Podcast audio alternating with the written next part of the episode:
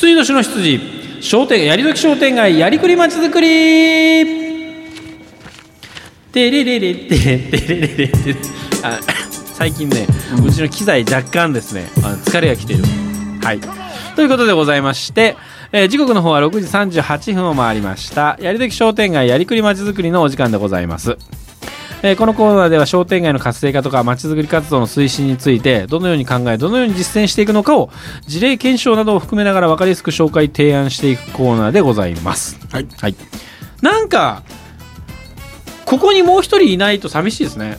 今までいましたからね。ねここ何ヶ月そう。しかもね秋竹さんの話とか、うん。私たちの話をこうメモを取りながらね。そうそう、ええ。えーみたいなそうそうそう、はい。ねさあでございます。まあそのメモも一生懸命取ってたあ彼女もあ言っておりましたけど、うん。ねえー商店街の3つの役割はい。はい。ショッピングあ商店街に人を集めてくる、集める。えーそれからえー商店街のテナントさんの経営支援をする。はい。はい、それから事務局機能を維持する。ということで、で一つ目、二つ目はずっと説明をしてまいりまして、先週三つ目の、そのじゃあ商店街の事務局機能の維持というものをですね、考えていきましょう、うん。ということで、えー大まかに収入と支出のお話をまず先週はしました。はい。はい、それぞれの項目について検証していこうと思います。うん。はい、まず、えー商店街の収入の、まあ、一番メインになっておりますのは、はい。組合員さんからの月々のおー付加金いわゆる会費ですね。会費ですね。はい、で、えーまあ例えば大阪のですね、あのーなんかあそこの商店街みたいに5 500件ありますとか、うん。いうことになるといろんな別の方法はあると思うんですけど通常はねまあ大きくてもその100件から150件ぐらいですよ。小さいところは20件、うん30件ね、でなるべくあの班とかを作りまして、うん。ねえー組合費月々集金がいいんです。できればね。ええ。うんこれはあのおすすめはなぜかというと、うん。そこでいろんなご案内を渡したりとか、ね、それから組合員さんと事務局もしくは組合員さんとそれから班長さんを通してのやり取りとかっていうのが生まれるんで。あのなんか面倒だよねとかでも振り込みにしてもらってね、えーでしかも年間まとめてパウンド払ってもらっていいじゃんっていうのもあると。そう考えちゃいがそうそうそう。がちですよねええいやもちろん日日々の、うん。ね情報のやり取りとかがちゃんとできてるところはもちろんその方法でもいいんです、うん。だけどね、えーなるだけちっちゃいところは顔の見える形を作っていくということで月々収益金もいいですよっていう話なんですね、うん。まあまあまあこれはあの組合によってやり方もいろいろあると思いますけどそんなにねでもねバカみたいに巨大な商店街じゃない限りは振込料ももったいないしですね。そうなんですよ。振り込み用がねそう。やっぱりあの結構やっぱり焦点としてはやっぱ気になるところですね、振り込み用がね。はい、うん。ねしかも顔見えるエリアで仕事してるんですか、うん。商売してるんですから、はい。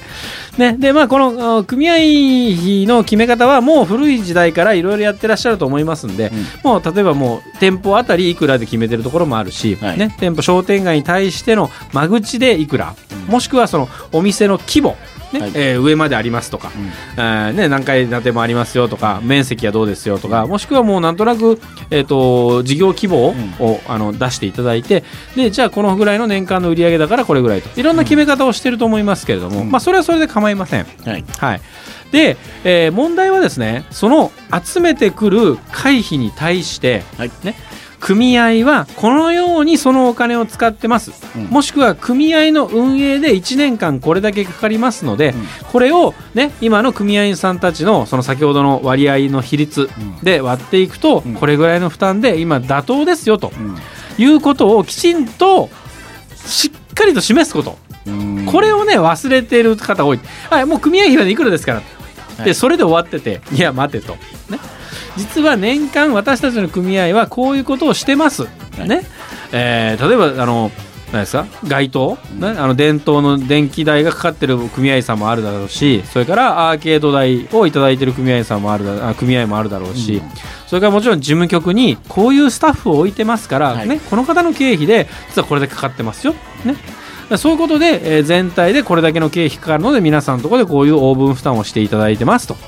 はい。ですね。でいくらぐらいを予備費として、えー確保してますとか、ね、いくらぐらいは、えー来年度の新規事業のために積み立てをしてますとか。いろいろそういう説明をねきちんとすることなんです。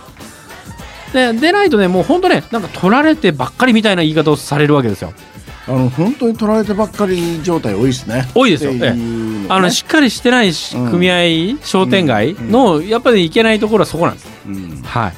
私たちね、だからもう、その、分かってるじゃんみたいな。あんたたちのね、会議があるからうちはやってんのよ、じゃなくて、でだからこれだけの、で、逆に言うと、その説明をしていけばですね、あの、ピンと来てくれる人もあるんです。うん。じゃあ、例えば、商店街でイベントをもっとやろうと思ったら、ね、いろんなお店がこの形で例えばその組合費でうん。いくらずつだけども、あの頑張ればうんできるんじゃないの？とかね、そういう発想にもなるんですよ、うん。数字をきちんと示さないから取られ損みたいに思ってしまう。